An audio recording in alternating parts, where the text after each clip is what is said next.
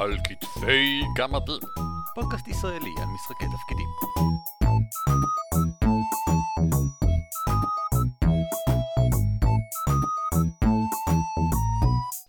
שלום וברוכים הבאים לפרק של על כתפי גמדים, שמי הוא ערן אבירם.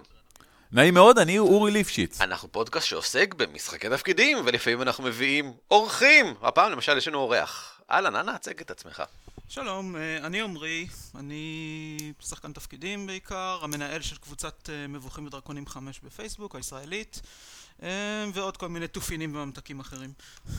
אז איזה תופינים וממתקים אחרים ספציפיים הבאנו אותך לדבר עליהם הפעם? Hmm, הפעם, לפי הידוע לי, על מפות ומיניאטורות. מה טוב, אכן מה. רע ומה מכוער בהם. באמת, אז אם, אם כבר אתה שואל, אז למה מיניאטורות? למה בכלל להשתמש במיניאטורות? בוא נראה.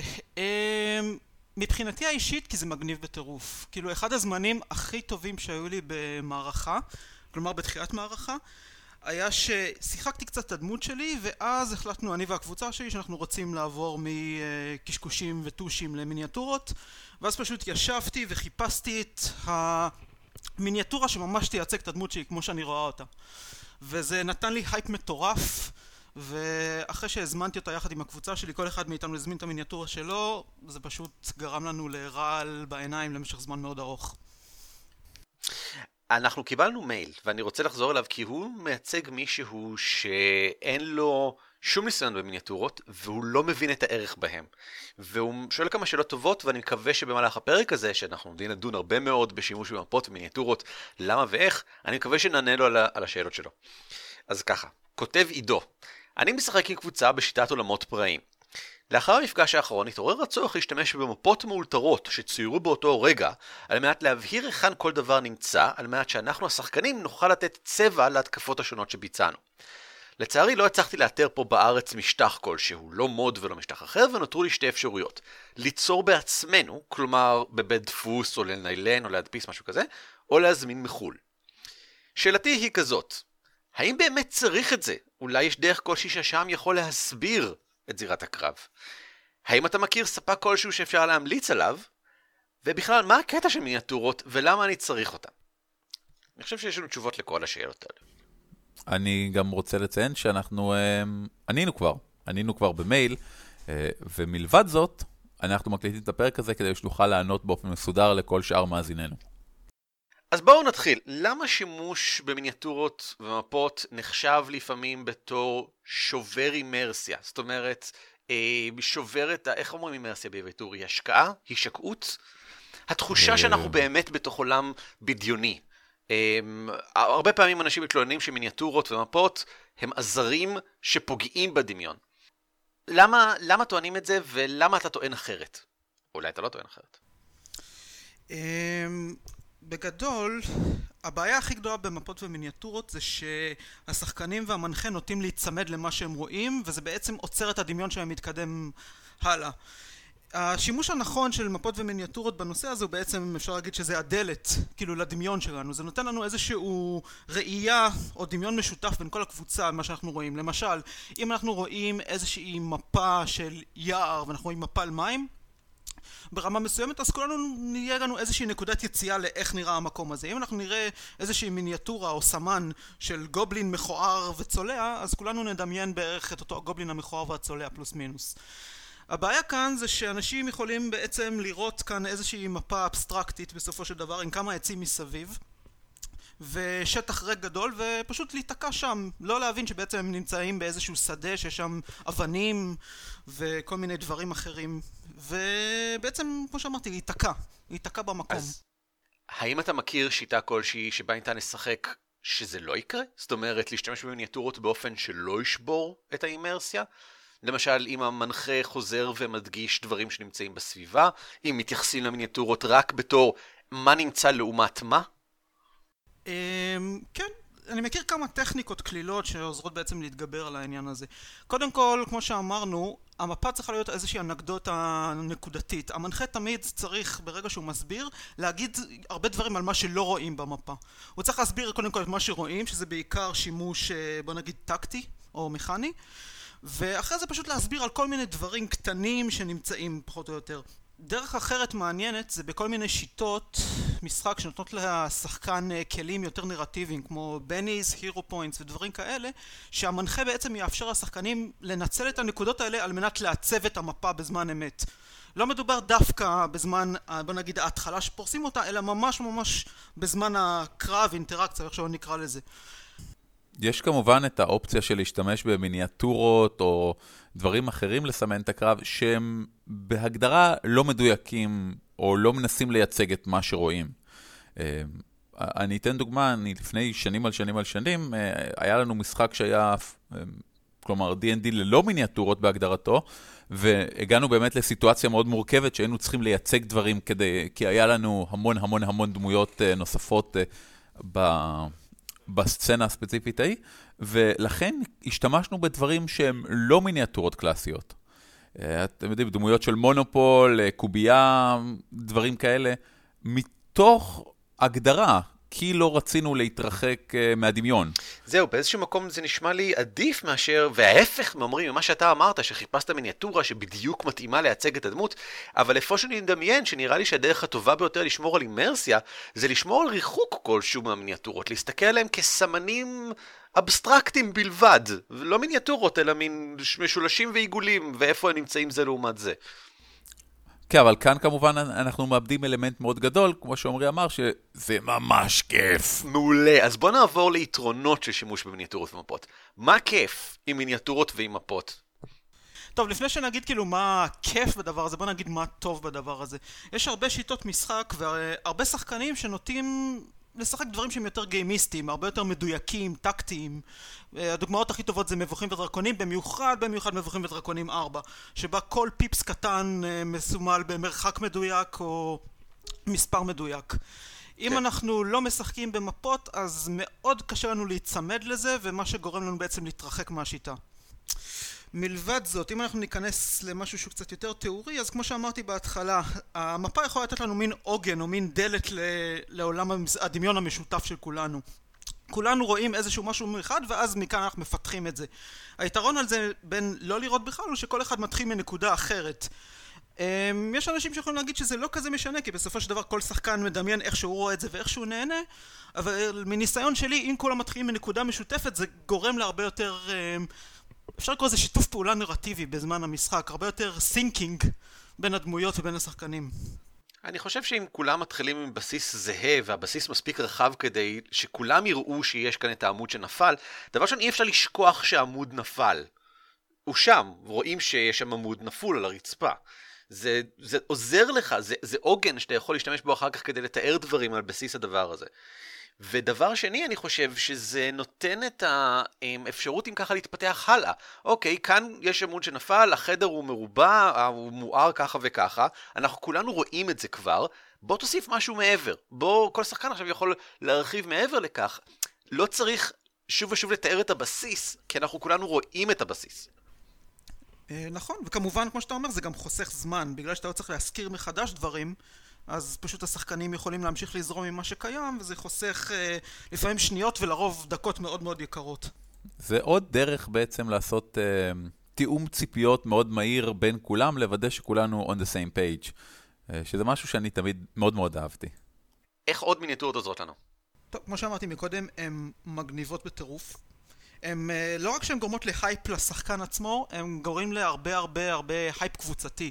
זה משהו mm. ששחקנים בעצמם, ברגע שמגיעים ביחד לאיזושהי החלטה של אוקיי, אנחנו משתמשים במיניאטורות, אז בדרך כלל זה גם מגיע למצב של אוקיי, אנחנו עכשיו מחליטים ביחד איזה מיניאטורות כל אחד יהיה, ואז הם מתחילים לדבר אחד עם השני, וואי, תראה את המיניאטורה הזאת, אני רוצה להשתמש בה, וואי, ככה ווואי, ככה. זה פשוט מוסיף המון המון הייפ, ו... חסרים דברים שמוסיפים הרבה הייפים במשחקים, בוא נגיד סוגים מסוימים של קבוצות, אז זה אחד מהם. זה גם עצם ההשקעה בתחביב, עצם ההשקעה הכספית בתחביב שלך, אה, אני חושב, מגדילה אותו בעיניך, משפרת אותו בעיניך באיזשהו מקום. אני יודע שאני הרבה מקרים אוהב להסתובב למשל עם ספר פיזי, לא רק בגלל שהוא יותר, בדרך כלל יותר נוח לשימוש בזמן משחק, כי הוא לא, כי PDF יותר נוח לשימוש בזמן המשחק. אתה לא מבין כלום בשום דבר, ערן. סבבה? שום דבר. אני רוצה בגלל שאני אוהב את ההשקעה בתחביב, אני אוהב את התחושה שיש לי משהו פיזי מהתחביב שלי ביד, שזה חלק ממשהו שאני גם יכול לתת לאחרים, שאני שם על השולחן. אני אוהב שולחן עשיר, שיש עליו הרבה דברים, וזה לא רק 650 מיליון קוביות, אפשר עוד דברים חוץ מקוביות, דפי דמות יפים שהודפסו במיוחד. אה, אה, זה, מצוי... זה נראה טוב, זה יותר כיף לראות שולחן כזה ולהגיע אליו, זה משהו לקוות אליו. אני גם רוצה להגיד שזה, כמנחה, המון פעמים מיניאטורות חוסכות לי המון זמן. Um, הרבה פעמים, במקום לתאר, וואו, איך נראה אומבר הלק, שזה יכול לקחת זמן מה, אני יכול להניח מיניאטורה של אחד, ומיד מבינים, מיד, מיד מבינים מה הגודל שלו, כמה הוא רחב, כמה הוא גדול. זה...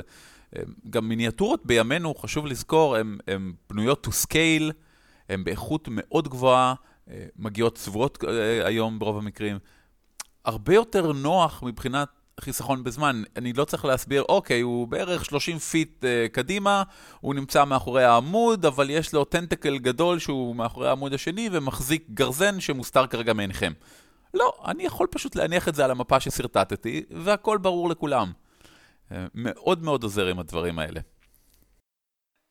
Uh, אני גם רוצה לציין, אני, אנחנו נדבר על זה יותר בהמשך. אבל אני פעם כתבתי פוסט בבלוג שלי על uh, מיניאטורות מול uh, סמנים, tokens. אנחנו נדבר על זאת בהמשך, חכה, אני רוצה לדבר. גם על מיקומים אבסטרקטיים, כי כל מה שאמרנו עד עכשיו, uh, דיברנו על יתרונות של מפות ומיניאטורות בטקטיקה, אבל יש עוד הרבה מה להגיד אחר כך גם על שימוש בהם בשביל מיקומים בשיטות שלא משתמשות במרחקים מדויקים. וגם בהן אפשר וכדאי להשתמש במפות. אני אסביר למה. כן, והייתי רוצה פה לציין במפורש את היתרון הכי משמעותי בעיניי. של מיניאטורות זה שהוא מפ... הם מפש... מיניאטורות יפות, מיניאטורות מפשטות דברים מאוד, במיוחד כשאנחנו פתאום נכנסים לעולם התלת-ממדי. Mm. אמ, וואו, יש לנו עכשיו, אה, אה, אתם בספרייה, ובקומה השנייה של הספרייה יש את הקשת הגובליני, ובקומה השלישית של הספרייה יש לכם את המינוטאור, ועל התקרה יש הפוך, תלוי אה, דיונון. כבר אני לא, לא רוצה להיכנס לספרייה הזאת. לא, לא, לא? לא מבחינתי למה? כיף. לא. להזכיר לי את ההרפתקה האחרונה שאני משחק בה כרגע. הדיונון זה לא זה, הוא פשוט משתמשים בדיו שלו, זה כך כותבים, זה בסדר. אבל כשיש לך מיניאטורות מפוזרות אה, מסודר על לוח, הרבה יותר קל להסביר ו- ולהמשיך לזכור בדיוק איפה כל אחד נמצא. Uh, יתרון אחרון, שהוא לא ברור מאליו, זה במשחקי אונליין. כשאני משחק ברול 20, והרבה מהמשחקים שלי עכשיו הם ברול 20, הם, אנחנו לא מסתכלים אחד בשני. אין לנו וידאו, מכל מיני סיבות, בין היתר בגלל שמצאנו שזה לא נוח כשלכולם יש וידאו. אני, זה, זה נשמע קצת מוזר, אבל להסתכל באחרים, כשאין לך בדיוק לאן להסתכל, זה לא משהו שמרגיש לנו טבעי וכיפי, אנחנו מעדיפים פשוט לשמוע את עצמנו. אבל אנחנו צריכים עדיין איזשהו משהו משותף לדבר עליו. אנחנו תמיד, תמיד משתמשים במפות. לא משנה באיזה משחק אני מריץ עם רול 20, תהיה בו מפה, וסמנים עליו. ולו פשוט בשביל התחושה המשותפת שכולנו נוגעים באותו דבר, ברגע שיש סמנים, אם מישהו מזיז אותו, כולם רואים שהזיזו אותו, וזו דרך בשבילנו לעשות אינטראקציה שאינה רק בקול, זו תחושה שמחברת בינינו יותר מאשר רק שיחה, שסתם מדברים זה עם זה. זה נורא עוזר למשחק התפקידים אה, להרגיש כחוויה משותפת. אני מסכים עם ערן mm. במיליון אחוז, בגלל שאני בדיוק באותו מצב כמוהו כרגע, כל המשחקים שלי הם ברול 20 פחות או יותר. וגם כן, מאותו סיבות אנחנו לא משתמשים בווידאו, ואנחנו כן מתרכזים במה שאנחנו רואים, והמיניאטורות האלה מוסיפות חבל על הזמן. עוד משהו קטן שאני אוסיף לגבי מיניאטורות במשחקים אה, שולחניים רגילים, אה, קצת יותר לחדד העניין של ההייפ זה גם המגע שברגע שאתה נוגע במיניאטורה שלך ומזיז אותה או שאתה הרגת את הגובלין המציק הזה ואתה לוקח את המיניאטורה שלך ונותן לו פליק ופשוט מעיף אותו זה נותן mm. הרגשה ממש ממש ממש טובה, כאילו, בזמן המשחק. כן, כולנו, כולנו היינו שם, זה החוויה הפיזית הזאת שאתה באמת, אמ, באמת מרגיש משהו, באמת יכול להזיז אותו, בהחלט מוסיפה. חברים, אנחנו היללנו מיניאטורות, בואו נתלונן עליהן קצת. מה החסרונות של שימוש במיניאטורות ובמפות באופן כללי? יו, זה יקר. כמה זה, זה כל כך מעצבן שזה יקר. מה ספציפית, מפות או מיניאטורות? גם, גם וגם. וגם, הם יותר יקרים, אין מה... אני אין חושב- פה ברור. אני חושב שחשוב להפריד, יש מפות, אה, אורי, אתה זה שהיללת את זה בפניי מלכתחילה, ויש לי עכשיו כזאת גם כן ואני משתמש בה הרבה. פליפמט, אה, אני חושב שפליפמט זה השם הרשום הרשמי של פייזו, אבל יש עוד כאלה, שזה בתכלס לוח משבצות בגודל פוסטר, שאפשר למחוק, אפשר לצייר עליו בטוש ולמחוק. וזה, אתה יודע, קונים פעם אחת ומשתמשים תמיד. אבל, אז אתה לא מקבל את הקטע של, וואי, איזה מפה יפה. כי אז מה שאתה רואה זה את הציורים של המנחה שלך ושל אחרים שמקשקשים על זה. מפה באמת יפה, אתה קונה, מגניב, אבל א' זה יקר, וב' מתי תשתמש בה שוב פעם אחרי, נגיד, התקלות 2. אז בס- יש פה איזושהי בעיה. קמפיין הבא, בסשן הבא, על מה אתה מדבר? זה יכול להיות. נהדר. יכול להיות. אני רוצה לעשות הפרדה פה, אבל יש את הפליפ-מט החלקים. כלומר, שיש עליהם רק משבצות ותו לא, ואתה מצייר הכל. יש לי איזה ארבע כאלה, לא צריך יותר מאחת, וזה נהדר. זה באמת נהדר, זה נהדר. זה מה שהיה לי לומר. אבל, וכן, זה, זה כן מגניב שיש לך גם אסופה גדולה ויפה של פליפ-מת, אם מצויר עליהם כבר מפות מאוד שוות. עכשיו שוב, יקר. זה יקר. אבל זה כל כך כיף. זה כיף. זה כיף. בעיה אחרת עם מיניאטורות היא איך קונים אותן. אני לא בטוח שבישראל יש דרך מאוד נוחה לקנות אותן. פה באנגליה זה קצת יותר נוח בגלל שיש לא מעט חנויות בסך הכל, והרבה מהן פונות לקהל חובב מיניאטורות וכן, אבל אני לא מדבר רק על וורהמר. ש... משחקי מיניאטורות יש פה בלי הפסקה. אם אתה רוצה לקנות מיניאטורה ולצבוע אותה, חופשי. לא, אבל מיניאטורות, נגיד פלסטיק צבועות מוכנות יפות כאלה, אתה יכול לקנות בבודדים. ספציפיים, אם אתה רוצה. דרך אי-ביי זה די נוח להזמין. Uh, לישראל אולי מחירים קצת גבוהים, מחירי משלוח אני חושש, אבל אתה יכול להבטיח שתקבל מה שאתה רוצה אם אתה מוכן קצת להתעסק עם זה. כן, אני מסכים. אה, דרך אחת להתמודד עם העניין הזה הוא להזמין מיניאטורות בקבוצה. כלומר שכל הקבוצה תתאגד ביחד, תמצאו איזה מקום אחד Mm. שאפשר להזמין ממנו, ואז בעצם תחסכו את הדמי משלוח. Uh, עוד פתרון שיצא לי לשמוע עליו בזמן, ממש בזמן האחרון, שהוא היה מול העיניים שלי ולא שמתי לב אליו, זה להשתמש פשוט במיניאטורות של משחקי קופסה. בשביל uh, משחקי תפקידים. למשל, יש ל-Wizards of the Coast כל מיני סדרות של uh, משחקי uh, dungeon crawling, כמו כן. רייבנלופט וכו', שכוללים מיניאטורות באיכות ממש גבוהה, שאפשר בכיף להשתמש בהם uh, בתור מיניאטורות משחק. הם מציעים גם את הפתרון המעניין השני לבעיית המפות, אה, חלקי מפות שאפשר לחבר. איך שאתה רוצה, מפות מודולריות כמו שזה נקרא. במשחקים של Wizards of the Coast וגם בהרבה משחקים שאחרים, Fantasy Flight Games עם Descent מאוד מאוד טובים בזה, ויש להם גם מיניאטורות מאוד יפות. Um, אתה מרכיב את המפות, אתה מחבר את החלקים ביחד ומרכיב את המפה, וזה נותן לך, וזה תמיד נראה מאוד יפה, וזה נותן לך um, מפות שאתה יכול לעשות, אתה יכול, אתה יודע, אתה יכול ליצור איזה מפה שאתה רוצה פחות או יותר מהשילובים האלה, שזה ממש נחמד. הבעיה היחידה פה אני חושב היא ש... ובכן, אני לא יודע אם זה בעיה, תקנו את משחק הלוח, הוא יקר, משחק הלוח זה יקר, אבל תשחקו את משחק הלוח, זה כיף. כאילו, אני זוכר שאני השתמשתי בתחילת הדרך במיניאטורות של uh, Heroes Quest, מסע הגיבורים, uh, משחק תפקידים, סירה, משחק לוח שהיה בישראל בשנות ה-80-90 ויש לי איזה שני עותקים שלו, והמפות שלו מרובעות והמיניאטורות שלו יפות ויש מלא שלדים נגיד, אז היינו משתמשים בהם כל הזמן. אה, יש עוד אופציה, שהיא קצת יותר חדשה ונהדרת. אפשר כמובן להדפיס את הדמות שלכם custom made בתלת מימד. נכון. שזה, יש uh, אתר נהדר שעושה זה, שנקרא HeroForge, uh, heroforge.com, שיש להם ממשק נהדר, אפשר פשוט ליצור את הדמות שלך, customize מאוד מאוד יפה, להדפיס, לשלוח, לדעתי הכי זול שם עולה 60 שקל, לא כולל משלוח. אבל שוב, זה ממש נחמד בשביל לקבל מיניאטורה custom made עבור עצמך, לדמות שלך. בואו נמשיך, איזה עוד חסרונות יש לשימוש במיניאטורות ומפות? זמן. לוקח הרבה זמן להתחיל לצייר, להתחיל לפרוס, להתחיל לשים. כמובן אם אנחנו משווים את זה לשיטות שלא דורשות את הדברים האלה בכלל. אם אנחנו נראה שאנחנו חייבים להשתמש בזה אז אין מה לעשות, אבל אם אנחנו כן מוסיפים את זה לשיט, לשיטות יותר אבסטרקטיות אז uh, אין מה לעשות, המנחה צריך להוציא את הטושים שלו ולהתחיל כנראה לצייר או להתחיל להרכיב. זה גם קוטע את החוויה באמצע באיזשהו מקום, זה קצת כמו גלגול היוזמה. גלגלו יוזמה, אוקיי, אז אנחנו מפסיקים את משחק התפקידים, אנחנו עוברים לקרב באיזשהו מקום. יש מין את המחשבה הזאת במוח, ואני חושב שתהליך ציור המפה מתלווה לזה. אוקיי, אנחנו קוטעים את המשחק, תנו לי לצייר את המפה עכשיו שלוש וחצי דקות, להסביר מה זה כל דבר, להניח, ואז נמשיך. וכשאנחנו ממשיכים, אנחנו משחקים אחרת, אנחנו פתאום משחקים עם מיניאטורות, כשעד עכשיו לא הזזנו מיניאטורות, עכשיו אנחנו כן. יש הרבה דרכים להתמודד עם זה, לקצר זמנים, כמו לצייר את המפה מראש. כן. אה, אני הייתי עושה את זה המון פעמים, מצייר את המפה בבית, ואז פתאום פלופ פלופ, אה, שולף את זה. אה, יש גם קצת יתרון בזה שאתה יכול כל פעם לצייר את החדר הבא, את הרגע הבא. אה, אבל שוב, זה כן, זה, אין ספק שזה לוקח את הזמן של זה. הפתרון שאני מוצא זה להסביר תוך כדי. תוך כדי שאני מצייר, אני מסביר את החדר. אפילו כשאני מצייר את הקירות, אני מתאר מה יש על הקירות, אני נותן איזשהו רקע לגבי הריח או משהו. זאת אומרת, זה דורש קצת חלוקת קשב, אבל כל פעם שאני מוסיף משהו למפה, אני מסביר לכולם כדי שאף אחד לא יתנתק מהמשחק. כדי שלא ייכנסו למחשבה של, אוקיי, עכשיו, רגע, יש לי כמה דקות לנוח, כמה דקות לצאת.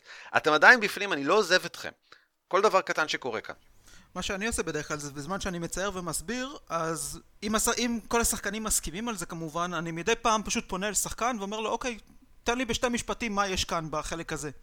מגניב, מצוין. או, שזה נהדר, זה תמיד המלצה קלאסית שלנו ל- לשלב את השחקנים ב- בבניית הסיטואציה.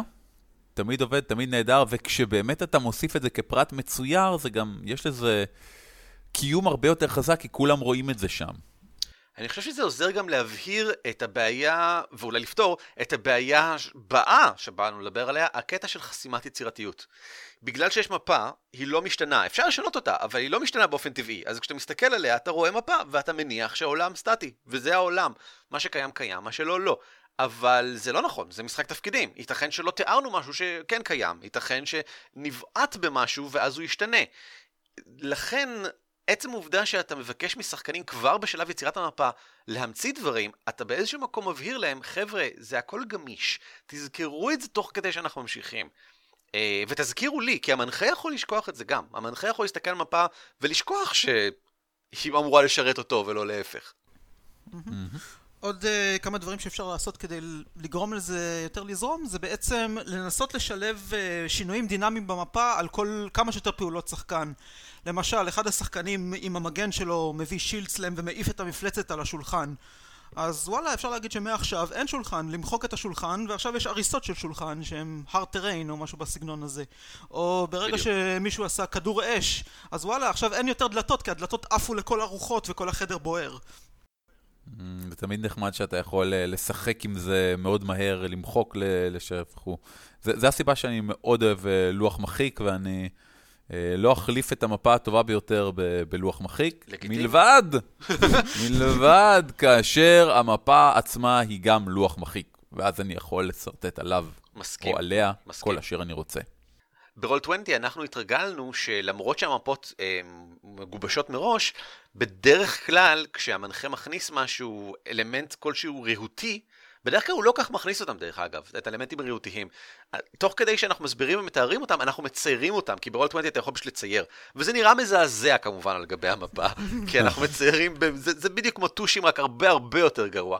אבל זה לא משנה בכלל מבחינתנו. ואנחנו התרגלנו בקבוצה שלנו שהציורים המחרידים שלנו הם חלק אינטגרלי, זה אפילו נכנס להוויה. זאת אומרת, חלק מה, מההוואי ובידור שלנו זה הציורים האלה. אה, לפעמים עושים אותם מפוארים יותר, לפעמים עושים אותם מפוארים פחות. בדרך כלל זה עיגול כזה קטן, ורשום לידו שולחן, ואז מוחקים את העיגול כשאין שולחן. משהו כזה. אבל זה עובד מצוין, זה מספק אותנו. ואני חושב שזה חשוב שיתפתח מין שפה ציורית כזאת בתוך החבורה, של מה שהם מסכימים בינם לבין עצמם, לאיך אנחנו מייצגים את השינויים האלה. באופן כללי, ברגע שאתה מייצר לך הרבה, מה הביטוי שאני מחפש, אה, מונחים פנימיים, דברים שהם רק שלכם, כן. זה תמיד עוזר. אה, כן, עוד דרך אה, לשלב יותר את השחקנים, בוא נגיד באופן יותר אה, דינמי בזמן האקשן, הוא כמו שאמרתי בהתחלה, לנסות לתת להם איזשהו כלי, או להשתמש באיזשהו כלי שיש להם נקודות או משהו כזה, בעצם לעצב את המפה בזמן אמת בשביל לתת להם יתרונות כאלה ואחרים. למשל, לא סתם להגיד בהתחלה שאוקיי, כאן באזור הזה יש סלעים, כאן יש שולחן וזה, אלא אני עכשיו uh, תקפתי ודחפתי איזשהו אויב, ואני משתמש באיזושהי נקודה נרטיבית שלי כדי להגיד וואלה, יש איזושהי מדרגה מאחוריו, וזה אומר שהדחיפה שלי עכשיו הפילה אותו גם. ככה אתה בעצם גורם לשחקן גם לשלב את ה... בוא נגיד נרטיביות והיצירתיות שלו בטקטיקה שהמפה נותנת, כאילו במוחשיות הזאת שהוא רואה מסביבו. וככה גם פתאום בזמן הקרב להגיד, אה וואלה, יש משהו. אנחנו עושים אה, דבר דומה בוורהמר, ועושים את זה גם ב-Age of the Empire, בגלל ששם אין כל כך ברירה. כשיוצא, לא משנה איזה גלגול אתה מבצע, יצא גם בסופו של דבר advantages ו-disadvantages. אה, אני חושב שככה קוראים להם, סליחה, advantages ו-threats. אה, לדעתי, ככה זה נקרא mm. ב-Age of the Empire, שזה עוד משהו טוב קרה, עוד משהו רע קרה, והדרך הקלאסית להשתמש בהם זה להסביר משהו לגבי הסביבה. כן, נפלת אחורה על גבי מדרגה, אז עכשיו יש שם מדרגה, זאת אומרת, ותמיד הייתה שם מדרגה. וזה אחד היתרונות, אני חושב, של השיטה הזאת, היא שבאיזשהו מקום, באמצעות הקוביות, עוזרת להתגבר על העובדה שיש בה מפות סטטיות. האמת שמה שאני אמרתי עכשיו, כאילו מקודם, זה בדיוק בא לנסות לסמלץ את מה שאתה אמרת עכשיו בדיוק על Edge of the Empire ו-Warhammer, לסמלץ את הבונים האלה או את הטרטים האלה. ב-Age of the Empire יש גם כמובן את הרעיון של ה destiny, שאתה יכול, אם משהו חשוב לך, אתה פשוט ממציא אותו אה, והופך סמן destiny, שזה הכי fun בעולם, וזה משהו שאנחנו אימצנו דרך אגב ל-Warhammer אה, בסגנון דומה, ואין שום ספק שאני אאפשר גם ב... נגיד עולמות פראים, להשתמש ב bennie לאותו דבר. אם כי השחקנים אף פעם לא יעשו את זה, כי הם רוצים לשמור על החיים שלהם. כן, זה חשוב. אני רוצה להזכיר פה גם את Fate. Uh, בוודאי. שבהגדרה, כל שחקן יש את האפשרות בכל רגע נתון, כל עוד יש לו Fate points, ליצור אלמנטים חדשים בעולם המערכה. וזה נהדר מבחינתי, כשאני, במקום להגיד, אוקיי, מה אתה רוצה ליצור, יכול פשוט לתת את הטוש לשחקן ולהגיד, אוקיי, סבבה. אמ, כש, כשהוא אומר למשל, אה, אוקיי, יש פה עקבות דם שמובילים אותי בדיוק לאיפה שאני רוצה, סבבה, הנה, קח, תוסיף את זה למפה. מגניב. אה, אני בדיוק עושה את זה במוד 5 עם אה, נקודות אינספיריישן. מהניסיון שלי זה בדרך כלל שחקנים נוטים לשכוח מהקיום של הנקודות האלה. אז uh, אחד מהדברים שאני נותן להם לעשות זה בעצם להחליט שאוקיי, אתם יכולים לשנות את הזירה, את הסביבה, משהו שקרה, לטובתכם, על ידי שימוש בנקודות האלה. בסדר גמור, אנחנו דיברנו הרבה, אבל נותר עוד חסרון אחד שלא דיברנו עליו, וזה אה, עידוד של מחשבה גיימיסטית. אני חושב שזאת בעצם הבעיה הכי גדולה, בוא נגיד מבחינת... אה, ברחה לי המילה, מוניטין רע. משחקיות? לא, מוניטין, מוניטין רע. רע של... מוניטין כן. רע של uh, מפות ומיניאטורות. אנשים בדרך כלל אומרים שמי שמשתמש במפות ומיניאטורות ישר שוקע לתוך הג... הגיימיסטיות, ישר הופך הכל למספרים ולטקטיקה וכל משחק התפקידים נעלם לחלוטין. כי ככה, כי יש לך עכשיו מספרים, יש לך, אין לך יותר, uh, הוא רחוק ממני, הוא קרוב ממני, הוא מרחק של 15 feet ממני, ויש לי כישוף של וואלה, 15 feet, אז אני מטיל את הכישוף הזה, יאללה, תורך. שזה לטוב ולרע, אני חושב. לטוב ולרע, למי שרוצה לשחק משחק uh, טקטי, אני חושב שקשה נורא לעשות משחק באמת טקטי אסטרטגי משותף בלי מיניאטורות. Uh, מצד שני, למי שלא אוהב משחק טקטי אסטרטגי, שהוא מן הסתם לעיתים צריך להיות, ואני חושב שזה נכון, uh, קטנוני לגבי דברים כאלה. וואלה, האקדח שלך יורה עד 20 מטר, אז אם היריב רחוק מ-20 מטר, אתה לא יכול לפגוע בו. זה, זה נהדר, זה חלק מה, מהדברים שמחייבים אותך להיות יותר יצירתי. אוקיי, אבל הנברשת קרובה אליי פחות מ-20 מטר, אז אני אירה בנברשת ואפיל אותה עליו. בסדר גמור, זה uh, מקדם אותנו מאוד יפה לנושא הבא. אם ככה, לאור יתרונות וחסרונות, בואו נסכם קצת, מתי כדאי להשתמש במפות ובמיניאטורות? קודם כל, מתי שהשחקנים רוצים, והמנחה כמובן. אמ, ברגע שהמנחה עושה תיאום ציפיות, הוא צריך לראות מי השחקנים שלו ואיך הם אוהבים את המשחק שלהם, עוד לפני שהוא בוחר שיטה או בזמן שהוא בוחר שיטה. שחקנים שהם יותר uh, זורמים ברמה הטכנית, כנראה מאוד מאוד ירצו את זה. גם אם מדובר בשיטות שהן פחות uh, טקטיות. שיחקתי למשל עם uh, כמה שחקנים ב-Age of the Empire והם דרשו ממש שיהיה מפות ממש מדויקות לכל דבר למרות שממש זה לא נדרש בשיטה הזאתי. כי הם רוצים אה, לדעת איפה דברים נמצאים. כן, בדיוק. אוקיי, בסדר גמור. יש שחקנים שאוהבים אה, אה, לוודא שיש להם יותר אפשרות בחירה, שהבחירות שלהם יותר מושכלות, והם מרגישים שכשדברים קצת באוויר, אז הם לא יכולים לעשות בחירות. אה, אני לא לגמרי מסכים עם הגישה הזאת, ואני יכול לנסות להסביר למה, אבל זה לא רלוונטי כרגע. יש שחקנים שפשוט מעדיפים את זה, וזה באמת לא כל כך קשור, אני חושב, כמו שאמרת, להעדפות לגבי, אני אוהב את זה נרטיבי, אני אוהב את זה גיימיסטי. לפעמים אתה פשוט רוצה לדעת איפה דברים קורים. זה, אני לא יודע, היה לי הרבה דיונים כאלה עם אנשים של אני לא אוהב מיניאטורות, אני לא אוהב פה, זה גורם לאנשים להיות מקובעים, אבל החלק הטוב של להיות מקובעים זה גורם לאנשים להבין בדיוק איפה כל דבר נמצא ביחס לכל דבר. גם אם אתה רוצה לגרום לאנשים לא בדיוק להבין מה קורה, כי אתה אומר, אני רוצה לייצר את האווירה של קרב, ושאתה לא לגמרי סגור על מה נמצא איפה בערך, אז אני לא חושב שזו הדרך הנכונה, כי אם השחקן מבולבל, זה לא אומר שיש אווירת קרב וחוסר בהירות. זה בדרך כלל נכון. אומר שאתה פשוט לא יודע מה קורה. נכון. ואתה אתה לא, לא יכול לפעול בשום דרך. מתי עוד כדאי להשתמש במפות המיניאטורות? טוב, כמו שנאמר קודם, מתי שאתה רוצה להגביר את ההייפ בקבוצה שלך, מתי שאתם קבוצה של אנשים שמשחקים מספיק זמן ביחד, שאתם מחליטים שוואלה, אנחנו יכולים כולנו להשקיע קצת יותר בתחביב הזה, ואתם רוצים לקדם את התחביב שלב אחד הלאה, כי אין מה לעשות, תחביב זה משהו שדורש לרוב כסף, ודורש השקעה, וההשקעה הזאת אה, מגדילה את הכיף בו. אני אגיד יותר פשוט, אם זה מוסיף למשחק, כלומר הופך את המשחק שלכם לפשוט יותר או קל יותר, או מוסיף להנאה שלכם מהמשחק, תשתמשו במיניאטורות. עד כדי כך פשוט. כשאתה אומר פשוט ואגב, יותר או קל יותר, אז בעצם זה תלוי שיטה גם? זאת אומרת, יש שיטות שמטבען לא, לא, קוראות לא, לא. למיניאטורות. אם, נכון, אבל גם אם אתם משחקים שיטה שלחלוטין לא צריכה מיניאטורות, אוקיי? Mm-hmm. Okay? אבל אתם נמצאים עכשיו בסיטואציה, כמו שתיארתי קודם בספרייה, כמו שאני אתאר עכשיו, עם המחילות קבורה של פון קרשניק. Mm-hmm. עכשיו, פון קרשניק עשה מחילות קבורה מאוד מורכבות, וקשה לכם לעקוב אחר מי נמצא איפה. או חס וחלילה אם אתם מחליטים uh, לפצל את הפארטי. כן. ונורא קשה לעקוב אחר מי נמצא איפה. אני אתן דוגמה מקמפיין ה Fate שאני מריץ עכשיו, Unrelated Incidents. אנחנו לא משחקים עם מיניאטורות. אנחנו גם בדרך כלל לא משחקים עם לוח טקטי, כי אנחנו מאוד מאוד, אה, אני לא אגיד free אבל Fate היא שיטה מאוד מהירה, מאוד קלילה, לא צריך.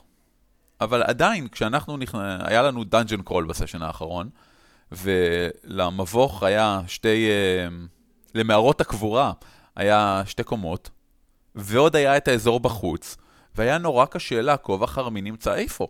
אז פשוט שלפתי את הפליפ מט המתקפל שלי מהתיק, כי הוא תמיד שם, mm-hmm. וציירתי, הנה הריבוע של קומה מינוס 1, הנה הריבוע של קומה מינוס 2, הנה הריבוע של בחוץ. כל אחד צייר איפה הדמות שלו נמצא ואחראי לעקוב אחריה. ואם לא עדכנתם, אז היי, איזה כיף לי, אני יכול לפצל את הפארטי ולתקוף אתכם בנפרד. אתה אומר בעצם מפה, או פליפמט, זאת אומרת מפה שאתה יכול לצייר מתי שאתה רוצה, וזה יכול להיות גם פשוט דף לבן מאוד גדול. זה כלי בארגז הכלים של מנחה, וזה משהו שכדאי פשוט לדעת להשתמש בו ולחשוב על להשתמש בו, אפילו אם זה לא הנוהל הקבוע בקבוצה. נכון, ברמה הכי פשוטה, באמת, מי מאיתנו לא הריץ אה, סשן, מתישהו, שבו הוא הסביר איך האזור נראה, או איפה כל אחד נמצא, ומישהו מהשחקנים לא הבין. תמיד יש כאלה. ובמקרה כזה, לפעמים הרבה יותר נוח להוציא דף, לשרטט שני ריבועים מקבילים, להגיד שבתוך כל אחד מהם יש כוכב מחומש, שכל אחד מהם, כשהוא מצביע לצפון-מזרח, יש שם פסל אחד שמצביע לכיוון ההופכי לו, שם יש גנום קטן שמצביע לגנום השני בחדר המקביל. מה הבעיה? באמת אין שום בעיה אה, בכלל. אבל, אבל ברגע שזה מצויר, זה פשוט יותר. עוד נקודה שאולי לא כל כך חושבים עליה בזמן משחק וכו', אבל שהשימוש במיניאטורות ובמפה פיזית זה גם משהו שנורא קל וכיף לצלם כדי לזכור את הסיטואציה. Mm, אני יכול להגיד שבקמפיין פאת'פיינדר שלי כרגע, אמ, אני לפחות פעמיים שלוש פעמים בסשן, אה, מוציא את הפלאפון, מצלם את הסיטואציה שיש, מעלה לפייסבוק, סתם כדי שיהיה לי תזכורת. זה, זה נהדר, אתם יודעים, שנתיים אחר כך פתאום... אה, לראות, וואלה, כן, לפני שנה היה לנו את הקרב עם הענק, ש... או את הקרב ההוא שבו עשיתי שטר על אחד הרגליים של מגדל השמירה, והוא נפל, ועשינו נזק לאוגים וכאלה. ואם אין מפה ומיניאטורות, אז אין מה לצלם. כאילו, תצלם דפי דמות, תצלם קוביות, תצלם אנשים. זה נכון לגבי כל סשן. ואגב, ראוי לצלם את הדברים האלה, אני לא אומר, אבל כשאתה מצייר, מצלם מפה מסוימת, במצב טקטי מסוים, בואנה, כולם יזכרו את זה. למרות שאני חייב לציין שרוב הצילומים של הקמפיין שלי זה יותר הדברים שאנחנו אוכלים, כן. אבל... אה, כן, לגיטימי, כאן כתוב. אנחנו נוסיף לינק לאלבום של בסטרס בסט. אה, יש שם המון המון אה, סיטואציות התאבדויות אסטרטגיות של הקבוצה שלנו. אין שום בעיה. אמ, מתי לא כדאי להשתמש במפות או במיניאטורות? מתי שזה גורע מהמשחק או מההנאה. למשל. אה, מתי שיש שחקנים שלא אוהבים מספרים ולא אוהבים דיוק ורוצים יותר לזרום ב- RP שלהם ופחות מעניין אותם לדעת שאוקיי הוא נמצא 10 feet ממני או 15 feet ממני. אנשים שבכלליות לא אוהבים אינטראקציות יותר טקטיות. אני אפילו אגיד איזה שזה יכול להיות תלוי בסצנה או באווירה. יש קרבות שניהלתי גם נגיד ב Pathfinder כן? שזה מה זה השיטה למיניאטורות ומפות שבהם אמרתי שמעו בקרב הזה, זה לא חשוב, זה לא, זה לא מספיק חשוב בקרב הזה. אנחנו לא נשלוף את זה עכשיו, אנחנו לא נעשה את זה עכשיו, או אני רוצה שהקרב הזה ירגיש כמו חלק המשך ישיר ממקודם. לפעמים אני אפילו אומר דברים כמו בוא לא נגלגל יוזמה. זאת אומרת, פשוט תפעלו לפי סדר שנראה לכם הגיוני, ופשוט ננהל את הקרב עכשיו מהר, סיבוב אחד פחות או יותר וגמרנו. זאת אומרת, תאורטית, לפי השיטה, אפילו לסיבוב אחד אני צריך מפה, לא? כדי לדעת איפה דברים נמצאים. לא, לא, לא חייבים. אם זה משהו שהוא, אני חושב, לא מרגיש חשוב מספיק בשביל זה, אז לדעתי כדאי פשוט לדלג. כן, אני חושב ש... אני חושב שדוגמה טובה למה שאתה אומר גם מקרבות שמשלבים מרדפים או דברים שהם מאוד מאוד דינמיים ומשתנים. ככה שמפה בסופו של דבר היא כן משרטטת כמה אזורים שאפשר לשנות אותם אבל בסופו של דבר מדובר על שלושה ארבעה, שניים שלושה ארבעה אזורים. אם אתה רוצה מרדף שכל פעם uh, מי שאתה רודף אחריו קופץ על בניין ואז יורד לסמטה ואז קופץ לשוחה וכו' וכו' וכו' אז עד שאתה תצייר את כל אחד מהדברים האלה זה ייקח לך פי שלוש יותר זמן מהמרדף פחות או יותר. על פניו נראה שכאילו ברור מאליו שאם אנחנו באמצע אינטראקציה חברתית, גם אז לא כדאי להשתמש במפה. אבל שוב פעם, אני חושב שזאת אמירה שהיא גורפת מדי. אם אנחנו בנשף, ואני חושב למשל על סצנת נשף, סצנת מסיבה מאוד טובה מ Dragon Age Inquisition, משחק המחשב. אמ, זה היה נשף עמוס להפליא, במלא דברים, וזו הייתה סצנה נפלאה, ועובדה שאני זוכר אותה עד עכשיו היטב. יש מצב שכדאי להשתמש במפה בשביל זה. Uh, כדי לדעת איפה נמצאים כולם, איפה נמצאים הדוושים החשובים כרגע, לאן הם זזו, האם הדודה mm-hmm. הזקנה הלכה uh, לעבר הזוג הצעיר והיא עומדת להציק להם, אנחנו רוצים לשמור על הזוג הצעיר, צריך לשמור עליהם במצב רוח גבוה כדי שהנשף שלהם יעבור כמו שצריך, כל מיני דברים שכאלה. כדאי בהחלט להשתמש במפה, אפילו שזה אך ורק אינטראקציות חברתיות כל הערב הזה. אני רוצה להזכיר מאוד, כל דבר שקורה על השולחן הוא כלי בידיים של המנחה. ואם יש לכם מיניאטורות, אם יש לכם לוח, זה כלי. זה אומר שכשאני אה, שואל אחד מהשחקנים, אוקיי, אז אתה בטוח שאתה רוצה לשאול אותו אם הוא מאמין שיסודוני האוויר היו תמימים לחלוטין? ואני שולח יד לעבר המפה. השחקנים מקבלים את הרושם שאוקיי, הוא הולך להוציא את המפה, זה הולך להיות קרב. וזה הדרך שלי כמנחה להבהיר לשחקנים את מה שהדמות שלהם מרגישה מפני מי שהם מדברים איתו.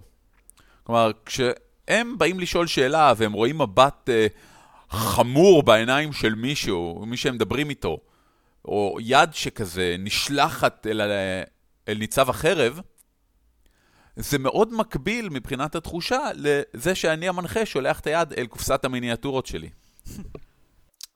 בסדר גמור. נקודה אחרונה חשובה נראה לי לגבי מתי לא כדאי להשתמש במפות, זה משהו שעמרי אתה ציינת כאן יפה מאוד לדעתי. הפער בין כמות ההשקעה הנדרשת לכמות ההשקעה הרצויה. למה בדיוק אתה מתכוון? אמ, יש שחקנים שבאים לשחק בשביל ה... בוא נגיד בשביל הכיף שלהם, באים לזרוק כמה קוביות, להריץ כמה צחוקים, הכל טוב ויפה. הם אה, לא באים להתחיל לחשב דברים, להבין דברים ברמות מדויקות. זה לא בשבילם, וברגע שאתה מתחיל להכניס דברים כאלה מעבר למה שהם ציפו, אז בעצם א' כל הם מאבדים את הריכוז שלהם, ודבר שני הם פשוט יורד להם מהמשחק. כאילו הם מתחילים לראות שזה מעבר למה שהם רצו, או הפוך, יכול להיות שהם רצו יותר ואתה נותן להם פחות מדי, אז הם גם כן מתחילים להוריד את ההשקעה שלהם, וזה בדרך כלל מתכון אה, די בטוח ולא טוב להיפרדות. בסדר גמור, אז, אז זה מעביר אותנו מעולה לנושא הבא, אה, אחד לפני האחרון. כמה זמן או כסף באמת כדאי, להערכתך, להשקיע בעזרים. עכשיו, כמובן שזה עניין של כל חבורה לעצמה, אבל תן כמה שיקולים לגבי מה אתה חושב שכדאי שאנשים יחשבו עליו. אוקיי, okay, דבר ראשון אני נותן רפרנס למדריך הטוב שאתם העליתם בזמן האחרון על תיאום ציפיות. זה צריך להיות חלק, זה צריך להיות... תודה רבה. בבקשה, זה צריך להיות חלק מהתיאום ציפיות. אין מה לעשות, אה, מנחה לא יכול להחליט uh, לבד האם הוא רוצה להשקיע יותר או פחות מבחינת המפות והמיניאטורות, והוא לא יכול להכתיב לקבוצה מה לעשות. מנחה שיגיד לשחקנים שלו, אוקיי, אנחנו הולכים לשחק עם מיניאטורות, אני מצפה שכל אחד מכם ידאג למיניאטורות, זה סופר לא במקום. אה, ומצד שני הקבוצה לא יכולה שמישהו אחד יחליט כן לעשות משהו ומישהו אחד לא יחליט לעשות משהו.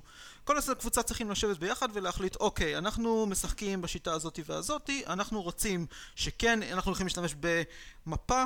המנחה כבר שהוא מנחה כבר זה המשחק החמישים שהוא מנחה כבר יש לו איזה שלושים באטלמטים אז אין לו בעיה להביא. הוא יכול לדאוג למיניאטורות אבל אם אתם רוצים אתם יכולים גם שכל אחד יביא מיניאטורה משל עצמו. וכו' וכו' וכו' זה משהו שעושים אותו ביחד. זה משהו שאתם צריכים uh, להבין באמת שכאילו כל אחד מכם באמת הולך על אותה רמה של השקעה, שלא יהיה איזשהו מצב. או שלא, כי, כי אני מכיר שחקנים ומנחים שמאוד גאים באוסף המיניאטורות שלהם, ומבחינתם mm-hmm. זה כיף אישי שלהם לדאוג מיניאטורות לדאוג לכולם. לדאוג למיניאטורות, כן. כן. תגידו לי מה להביא, אני מביא הכל, אני, אני אספק לכולם, וזה מה שהוא רוצה לעשות. הוא רוצה להרגיש שהמיניאטורות שלו מועילות, הוא רוצה להרגיש שהוא תורם משהו לקבוצה, אה, ושני הדברים האלה יכולים להיות ממש נכונים. נו, וזה סופר תיאום ציפיות. הוא בתיאום ציפיות אני אומר... אני מסכים, אני מסכים. בסדר גמור, אז נראה שכדאי לעבור לכמה נושאים קטנים אחרונים לפני שאנחנו מסיימים. דבר ראשון, מיניאטורות לעומת סמנים. מה הם סמנים, אורי? ובכן, סמנים זה משהו שאני גיליתי רק מיותם אבני, הנבלול הנבלולי הידוע. כן, שהוא הצ'מפיון של תנועת הסמנים בארץ ובעולם לדעתי.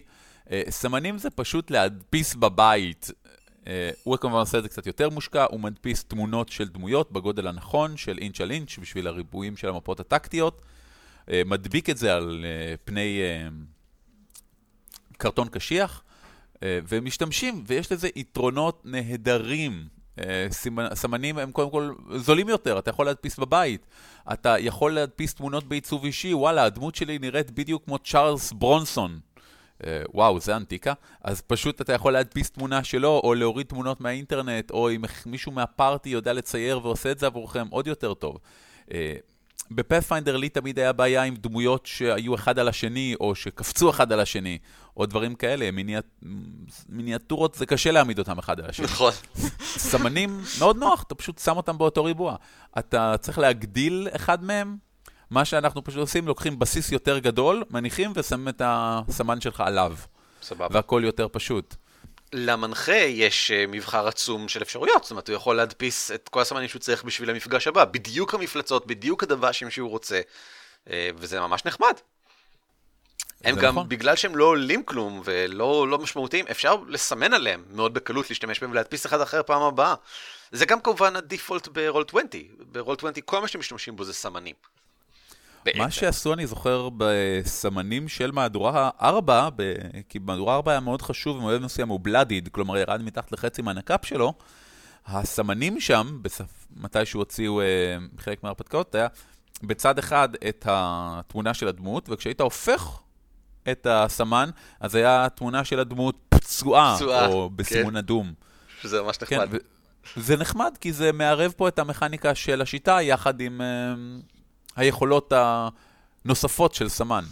כן, כן יש לו שני צדדים. שני, כן, מצד שני, באמת, אה, כשאנחנו חושבים על מיניאטורות, זה לא דורש עבודה מצד המנחה ללכת ולהדפיס את כל הדברים האלה. מיניאטורות זה גם, כן, זה גם פתרון פשוט, וזה גם פתרון כל כך יותר יפה. זאת אומרת, עם כל הכבוד לסמנים, אין, זה פשוט לא כן. לא מספק כמו מיניאטורות. כן, אין מה לעשות, תלת מימד זה תמיד יהיה יותר אה, כן. מרהיב מדומימד. כן. בסדר גמור. אמ, יש לי screenshot של עיצוב של בסטר אברסקיל שעשיתי עם Hero Forge. ערן, אני אשלח לך את זה ונוסיף את זה להערות הפרק. בסדר גמור. בסטר אברסקיל מהאברסקילים של מגנימר? כן, זה, שמעת עליו? אה, שמעתי עליהם, כן. בסדר אה. גמור. נקודה נוספת שאני רוצה לדבר עליה זה הרעיון של מיקומים אבסטרקטיים, שאני נחשפתי אליה ב Warhammer, ומאז ראיתי אותה במקומות נוספים, אני חושב ש Fate עובד באופן דומה עם zones. כן. Um, במיקומים אבסטרקטיים, המשמעות היא שהדמויות נמצאות נגיד ליד העגלה, או שנמצאות ליד השער. והשער נמצא במרחק קצר מהעגלה. שקצר זה אומר שלוקח לי פעולה, תנועה אחת לעבור אותו, לצורך העניין. אה, ארוך זה שתי פעולות תנועה. והכל באבסטרקטי, אנחנו לא מדברים על מספרים מדויקים, אנחנו לא אומרים בדיוק כמה מטרים, וזה נורא לא משנה. אה, זה גם חלק מהקסם של השיטות האלה. Fate, אני חושב, אם היא תעבור לדבר במטרים מדויקים, אנחנו מפספסים איזשהו משהו שם. את הנגישות של הכל. וואלה, זה לא משנה אם הוא מטר ממני, עשר מטר ממני, אם אני יכול להגיע אליו בתנועה אחת, לתת לו אגרוף, אז זה מה שאני יכול לעשות. עכשיו, מרחקים אבסטרקטיים ניתן לייצג די בקלות במפות. זאת אומרת, זה לא בדיוק במפות, אבל על גבי שולחן. בוורהמר, לכל מיקום יש קלף. אה, על הקלף הזה יש תמונה, פלאף, ממש נחמד של אותו מקום, וגם יכולות מיוחדות של דברים שקורים בו. כי בוורהמר הרי uh, אתה מגלגל ויכולים לצאת לך כל מיני תוצאות כמו כוכב תוהו שאומר שמשהו יום ונורא קרה, uh, ובונס ובניס וכל הדברים האלה שדיברנו עליהם מקודם. אז לכל מיקום יש פרשנויות ויכולות נוספות שרלוונטיות ספציפית אליו. Um, ואת הקלפים האלה מניחים על גבי השולחן לפי המרחקים ביניהם. וורהמר ממליץ גם לשים סמנים קטנים כאלה של מרחק, שמייצגים למשל אם אתה שם סמן אחד, אז המרחק ביניהם הוא קרוב, אם אתה שם שני סמנים המרחק הוא רחוק. וככה אתה מניח את הדמויות שלך, שבוורהמר דרך אגב זה אה, סמנים, סמנים עומדים, כמו במונופול, לא סליחה, כמו לא, בטליסמן הישן. כמו בטליסמן הישן, כן. כן. סמנים עומדים כאלה, ככה עושים בוורהמר. הם מעמידים אותם והם נמצאים או פה או פה, או בדרך אל, וזה מספיק, ואנחנו משתמשים בזה לא הרבה מאוד במערכה הנוכחית שאני מריץ, אבל המון במערכות קודמות שהרצתי, אה, וזה מה זה מעולה, וזה למשל, בגלל שזה כל כך אבסטרקטי, למשל, על קלף יכול להיות רשום עגלה, וזהו, לא רשום שם עוד, רשום שם את הפלאף כאמור של מה זה עגלה, והשלכה של מה יכול לקרות, במקרה הזה אתה עלול ליפול מהעגלה. אם אתה נמצא על העגלה, אתה עלול ליפול ממנה. אמ, וזה מספיק כדי לתת את הבסיס של להסכים כולנו איפה אנחנו נמצאים וכן הלאה, ועדיין פתוח מספיק כדי שנבין שזה הכל בדמיון ואנחנו יכולים להמציא במה שאנחנו רוצים. אני מאוד אוהב את המערכת הזאת, היא מאוד מוצאת חן בעיניי, ואני השתמשתי בה בתכלס גם בהרצה של... אמ, D&D 5 שעשיתי פעם, אז כנראה שגם זה עובד. כן, אני משתמש במערכת ממש ממש דומה במשחק נומנרה שאני מריץ כרגע, והשחקנים מרוצים אה, עד האוזניים, פחות או יותר. מדובר בשחקנים שהם יותר טקטיים, היה להם קשה להגיע לזה, אבל ברגע ש... לקח לי קצת זמן, לא נגיד לייעל את זה, לגרום לשחקנים שהם יותר רגילים ממפות מדויקות לעבור ל... למשהו אבסטרקטי כזה, בהתחלה עשיתי מין מפות שהן לא מתוארות יותר מדי, מין מפות כאלה של שתי וערב, שאומר שאוקיי, מי שנמצא במרכז הוא בטווח הכי קרוב, אחרי זה זה הופך להיות טווח קצר, ארוך וכו' וכו' וכו', אבל איכשהו זה הפך יותר לסממנים, ובסוף כולם שמחים והכל טוב. חשוב לזכור שמעברים בין דברים כאלה זה גם דברים שבנוסף לתיאום ציפיות, זה, זה תהליך, זה תהליך שהקבוצה צריכה לעבור ביחד, ו, ושווה לעשות אותו לפעמים בשלבים, מדורג, ככה ש... שאנשים יהיו נחמדים. אני יודע למשל שבקבוצה שלי בפייט ניסינו, בגלל שיוזמה לוקח לנו הרבה זמן יחסית, גלגולי יוזמה, וואלה. אה, ניסינו לעבור לשיטה אחרת, למה שנקרא יוזמה אה, דרמטית. אה, אני חושב שדיברנו על זה בעבר, שפשוט כל אחד קובע מי זה שתורו אחריו. נכון, נכון. אה, וזה לא עבד, אגב, לא, לא אהבנו את זה. בסופו של דבר, הקבוצה התנגדה וחזרנו ליוזמה רגילה. אני חושב שזה רעיון מצוין, תמיד להיות גמיש ומוכן. כשחקן, כמנחה, ככולנו בקבוצה, לנסות כמה, לנסות איזשהו משהו פעם, פעמיים ככה, ולראות איך זה עובד לנו. כן, אני אזכיר את זה שוב ושוב ושוב ושוב, כי, כי זה באמת האני מאמין שלי. כל דבר שקורה מסביב לשולחן המשחק, הוא לא יותר מכלי לייצר חוויה. זה מדהים, כי אתה בדיוק מעביר אותי לנושא האחרון שעליו אני רוצה לדבר, וזה כלים פיזיים נוספים. כל הפרק הזה דיברנו ספציפית על מפות ומיניאטורות ומיקום, אבל ישנו עוד אלמנט, אחד לפחות, ואני בטוח שאנחנו נוכל למצוא עוד כמה אם אה, נחשוב עוד כמה שניות, אמ, שהוא מדד פיזי שניתן להניח על השולחן ויכול להיות רלוונטי ומעניין לשחקנים. אה, אני רוצה לדבר על מדדים, שזה כשאתה שם מין סולם כזה, אתה, אתה השתמשת בזה כשתיארת את ה... אמ, שעון החול שלי. שעון כן. החול, כן. בדיוק, אה, בפרק שעבר. שלמי שלא שמע את פרק שעבר, הרעיון היה להניח, ש... לצייר שעון חול, לשים אה, שבעה סמנים בתוכו, וכל פעם שהקבוצה עושה פעולה שדורשת זמן, אני פשוט מוריד להם אחד מהסמנים, וכשנגמרים הסמנים, זה אומר שהם לא הצליחו להגיע בזמן אל האנשים הרעים שהרגו את החבר שלהם. אה, שוב, מדד גלוי, ככה שברור לקבוצה בדיוק איפה הם עומדים, אה, וכמה מהר הם צריכים למהר. זה מזכיר לי מאוד, אגב, את מה שיש ב... אני רוצה להגיד אינטרפיט, אבל זה לא הדבר הנכון, אני חושב על מיקרוסקופ. במיקרוסקופ, כשעושים סצנה שרוצים ליצור בה עומס של זמן, אחד השחקנים משחק את 아, הזמן. את הזמן, כן. שזה בעצם שחקן שמשחק מדד, שמשחק את ההתקדמות של משהו. an impending doom of some kind. המדדים, אה, שוב פעם אני אחזור לוורהמר, זה אגב לא פלא שאני חוזר לוורהמר פנטזי רולפליי כל הזמן, אה, אחת מההגדרות המוצהרות של מהדורה השלישית של וורהמר הייתה להפוך את המשחק ליותר פיזי. הוא מגיע עם קלפים ועם סמנים, וכל הדברים שדיברנו עליהם עכשיו, והמערכות שאני ראיתי פעם ראשונה שם, אה, הן בגלל ההחלטה הזאת. והנה למשל הנקודה האחרונה שמעניינת אותי, וזה המדדים האלה שמייצגים לא רק בהכרח התקדמות של זמן, הם יכולים לייצג למשל התקדמות בחקירה. עד כמה אתם מתקדמים בחקירה. מצאתם עוד איזשהו רמז, התקדמתם צעד אחד נוסף בחקירה. כשזה נמצא מול השחקנים כל הזמן, הם יודעים כמה חקירה עוד יש להם למשל, כמה חקירה הם כבר עברו, הם מקבלים את התחושה שהם באמצע חקירה, כל עוד הסמנים האלה, שזה פשוט מין מדד כזה, אמ, בווהאמר זה אה, נקודות קרטון כאלה שפשוט מניחים ומזיזים אה, ביניהם סמן שמייצג איפה אנחנו עכשיו. אבל זה יכול גם לייצג תחרות. אה, עד כמה אנחנו מצליחים למהר לפני האורקים. האורקים מתקדמים שני צעדים על כל סצנה שאנחנו עושים, כמה טוב אנחנו נעבור את הסצנה יקבע כמה צעדים אנחנו נתקדם. או um, אורקים לעומת גמדים, אורקים מתקדמים מצד אחד, גמדים מתקדמים מהכיוון השני. ואנחנו מנסים לעודד או לדחוק, אין שם אף סמן שמייצג אותנו. אנחנו מנסים לדחוף ולעודד אותם, כי השאלה היא איפה הם ייפגשו על גבי המדד הזה. יותר קרוב לאורקים או יותר קרוב לגמדים, או בדיוק באמצע. כי אז הסצנת הקרב בין האורקים לגמדים תתנהג אחרת, או אולי זה לא יהיה סצנת קרב בכלל. אז יש כל מיני מדדים כאלה שכשהם נמצאים מול השחקנים, זה כביכול, זה כביכול מידע שהמנחה אמור להסתיר, שזה כאילו סוד, אני חושב שהכי טוב לשים את זה מול השחקנים, כדי שיהיה להם ברור בראש כל הזמן בדיוק מה קורה כאן, אה, ושהם ירגישו שהם יכולים להשפיע על זה, ושיראו בדיוק איך הם משפיעים על זה. באופן כללי, לדעתי, אני חושב שכל דבר שמסתירים מהשחקנים, אתה חייב לשאול את עצמך מה תהיה ההשפעה אם תחשוף אותו. כן. בפני השחקנים. מסכים לחלוטין. וזה משהו נהדר שצריך לחשוב. אני, אני זוכר את הפעם הראשונה שהבנתי את זה, כשפשוט נת... הרגשתי שהקמפיין שהרצתי באותו רגע התחיל לדשדש טיפה, אה, כי השחקנים כבר מכירים את השטיק שלי, את השטיקים שלי, כי שחקנו ביחד הרבה זמן, ומה שעשיתי היה פשוט מאוד לתת להם את המפה של המבוך הבא.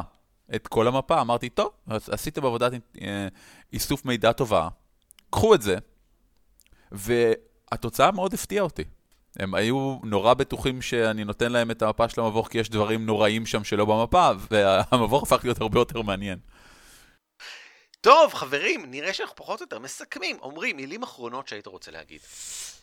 אמ, מיניאטורות זה כיף, מפות זה כיף. זה מה שחשוב בעיקר, הכיף. אמ, תחשבו טוב ביחד עם הקבוצה שלכם, כמה אתם אוהבים את זה. אני אישית נורא נורא זורם בעד העניין הזה. וזהו, זה כיף, תקנו את זה, זה טוב. אני מקווה שהצלחנו להבהיר שמפות, מיניאטורות ועזרים פיזיים זה לא כן או לא. זה מדד, זה סולם. אתה יכול להשתמש בקצת, אתה יכול להשתמש בזה אבסטרקטי, אתה יכול להשתמש בזה מדויק, אתה יכול להשתמש בזה עם, עם לוח שמחיק שאפשר לגוון ולשנות אותו, אתה יכול להיות הכי מדויק בעולם עם מפות הכי פרטניות. היינו רוצים, אני חושב, בפרק הזה לעודד אנשים שנדחים מזה, לחשוב מחדש, ואולי להבין שישנם מקומות שאולי הם כן יכלו לקבל את זה בצורה מסוימת. נכון, ולדעתי גם הפוך, לעודד אנשים שנצמדים לזה יותר מדי, להבין שיש גם דרכים יותר קטנות שהן לא אבסולוטיות כדי לייצג אה, כל מיני דברים שהם בדרך כלל מיוצגים על ידי מפות, ולפעמים אה, שווה לתת לזה ניסיון. יפה מאוד, מסכים לגמרי. אז בואו בוא נסכם בעצם. אם אתם משחקים עם מפות ומיניאטורות, תעשו סשן אחד בלי. אם אתם משחקים בלי מפות ומיניאטורות, תעשו סשן אחד עם. וכשאומר אחד, אני מתכוון, אתם יודעים, אחד קוף ארבע. לא, לא ישר. כן, כן. כן. מצוין, תודה רבה לך עמרי שהסכמת להשתתף בפרק הזה, אה, תודה לך אורי שהסכמת להשתתף בפרק הזה, ולא שכחתי עדיין את עידו ששלח את המייל. ואחת מהשאלות שלו הייתה, האם אנחנו מכירים ספק כלשהו שאפשר להמליץ עליו, והתשובה היא, ובכן כן, התשובה די מפורטת כן, למעשה, ואנחנו כן. ניתן קישורים בהערות של הפרק. התשובה הבסיסית היא Paizo, Book Depository, אבל יש גם את הממלכה בישראל, ויש את Monkey Time, ואנחנו ניתן קישורים לכל המקומות שאנחנו מכירים. אפשר לקנות מהם מפות במגוון סוגים. ואני רוצה לציין במיוחד את Paizo שוב, כי מה שיש להם זה שירות מנוי. אתה יכול להיות מנוי למפות של פייזו, וזה אומר שכל חודש הם שולחים לך את המפה החדשה שהם הוציאו. לא, אתה לא יודע מה היא, אתה לא יודע מה אתה הולך לקבל, אתה פשוט יודע שכל חודש אתה מקבל מפה גדולה באיכות גבוהה, מצוירת יופי, שהיא גם פליפ מאט שאפשר לצייר עליו, ונהדר. אה, הייתי עושה אחד כזה, אלמלא פשוט אה, יש לי כבר כל כך הרבה שאני רוצה כבר להשתמש בהם, ואני מרגיש רע כשיש לי עוד. כמו כן, יש בחורצ'יק מאוד נחמד, אה, סטיבן, סטיבן, זה כל מה שאני יודע עליו. שהוא מעלה אה, ת- מפות שהוא מכין לפייסבוק, אה, ופשוט מחלק אותם חינם. ואם אתם רוצים גרסה יותר שווה, או גרסה מוכנה ל-roll 20, יש לו פטריון שאתם משלמים איזה 3 דולר ומקבלים את הגרסה יותר, אה, באיכות הדפסה יותר גבוהה, סליחה, לא יותר שווה. מעולה. יש גם את הבחור שעשה את המפות בשביל אה, ערכת ההתחלה של D&D 5, שמשחרר אותן באופן חופשי, זה לא בחינם, אבל משחרר אותן באינטרנט, ופשוט אפשר להוריד אותן ולהשתמש בהן, אה, בלי משבצות, עם משבצות, איך שאתם רוצים, מאוד יפה כמובן. אם הדפסה זה הקטע שלכם, אה, אני לא יודע מספיק על מספרים ומחירים פוטנציאליים לגבי כמה זה יכול לעלות, אבל בוודאי אפשר לקפוץ לאופיס דיפו, לשאול כמה אולי על אה, A4 למינטד או משהו כזה, ונראה מה קורה. כן, אה, בנוסף אם אתה כבר הזכרת את אה, מבורכים ודרקונים 5, עכשיו שיצא ה-DMS גילד, יש שם הרבה הרבה כן, הרבה מפות כן. חינמיות, שחלק מהן איכותיות ברמה ממש ממש גבוהה. חלקם הגדול הוא חינמי, חלקם הוא pay as you wish, שווה מאוד לבדוק. מעולה. שוב פעם תודה לך עמרי, כי אמרנו כל כך הרבה דברים אחרי התודה, אז אני רוצה להגיד לך תודה עוד פעם. תודה לכם. בשמחה. ואנחנו נעבור לחדשות ועדכונים. חדשות ועדכונים! לא הרבה חדשות, אבל כולן עד האחרונה יגרמו לשרכם לסמור. דבר ראשון, הקומיקס שלנו, עד ארבעה שחקנים, העמוד באנגלית שלו, up to four players, ברגע זה שבו אני מקליט ביום שני, שבו עולה הפרק שאתם מקשיבים לו עכשיו, הוא על 1999 לייקים. אז סביר מאוד שבעוד שנייה או שתיים, או ברגע שבו אתם מקשיבים ממש לפרק, כבר עברנו את האלפיים לייקים. כל הכבוד לנו, אני מאוד מרוצה, זה ממש נחמד. למי שלא יודע, אנחנו מתכוונים לעבור בכל מקרה בעוד איזה חודש או חודשיים לפעם בשבועיים, ואנחנו נעלה יותר סטריפים, ויותר סטריפים שעוסקים במשחקי תפקידים גם כן. בנוסף, אנחנו חושבים להתחיל לכתוב קצת באנגלית כמה מהדברים שכתבנו בעברית, כי יש לנו כל כך הרבה תוכן, ואנחנו חושבים שהוא סבבה, אז למה לא לשתף את שאר העולם? למה שרק הישראלים ייהנו מחוכמה רבה כל כך? דבר שני, בפונדק עלה תרגום לעידן הדרקון, שיטת משחק התפקידים של דרגון אייג', שעליה מבוססת פנטזי אייג', שלה עשינו משחק הדגמה, אם אתם זוכרים, ואם לא, אז יהיו קישורים בהערות של הפרק הזה. הקלטנו את ההדגמה, נתנו הערות אחרי שסיימנו את המשחק. השוס העיקרי של דרגון אייג' ושל פנטזי אייג' הוא שיטת הפעלולים. בתרגום לעברי כמובן יש אותם, זה חוקי התחלה מהירה, אז יש שם את הכל, אבל יש שם גם דמויות מוכנות וכבר הרפתקה מוכנה, הכל ביחד. קישור להורדה בהערות. עוד הרפתקה שאפשר להוריד מהפונדק היא מהמטבח באהבה, הרפתקה שמיועדת לעולמות פראיים ומשתמשת בעולם המערכה של לואו לייף, שהוא די מגעיל ווולגרי, וזה הקטע שלו, אז אם זה גם הקטע שלכם, תורידו אותה. ואם כבר מדברים על עולמות פראיים, נזכיר שוב פעם את גלגולים מועילים, הבלוג של עודד דויטש, שבו הוא העלה הוא בערך כל שבוע מלא איזה משהו, נעדכן אתכם כל שבוע? התשובה היא שמסתבר שכן. העלה עדכון של המערכה שלו והסשן השלישי, שבו הוא משתמש בכמה טריקים שאנחנו הצענו, כמו למשל לעשות כתוביות פתיחה למערכה, אם כי ראוי לציין שכמובן זה טריק שאנחנו לקחנו ממישהו אחר, אין, אין חדש תחת השמש. השאלה היא רק מי מתרגם את זה לעברית ותוקע לכם את זה באוזן. זה הכל, תודה רבה שהקשבתם לפרק הזה. אם נהניתם, אנא ספרו לחבריכם, או לאויביכם הסנועים ביותר. כי אולי לאחר שהם יקשיבו על שיתוף הפעולה ביניכם והנושאים החדשים שיהיו לכם לדון בהם, יביאו ביניכם חברותיות שלא ידעתם שהייתה מקודם, או שבכלל אפשרית. אתם מוזמנים להיכנס ל-dwarves.org.il, שם יש את כל המדריכים שלנו, ופרקים נוספים, כנראה בערך 140 נושאים, לפי כמות הפרקים שיש לנו כרגע. ובמידה ויש משהו שאתם רוצים להגיד לנו, או שאלה שאתם רוצים לשאול אותנו, או הצעה שיש לכם בשבילנו, או שאתם רוצים לכתוב מדריך, או שאתם רוצים להשתתף בפרק, או שאתם חושבים שאין מספיק כנסים בצפון הארץ, ואתם רוצים להזרים אחד בעצמכם ולא בטוחים איפה להתחיל, גמדים את roleplay.co.il. תודה לכם. להתראות. על כתפי גמדים משותף ברישיון שיתוף ייחוס זהה Creative Commons 3. המייל שלנו הוא גמדים את roleplay.co.il והאתר שלנו ב-dwarves.org.il. ניתן למצוא אותנו גם בטוויטר, פייסבוק וגוגל פלוס.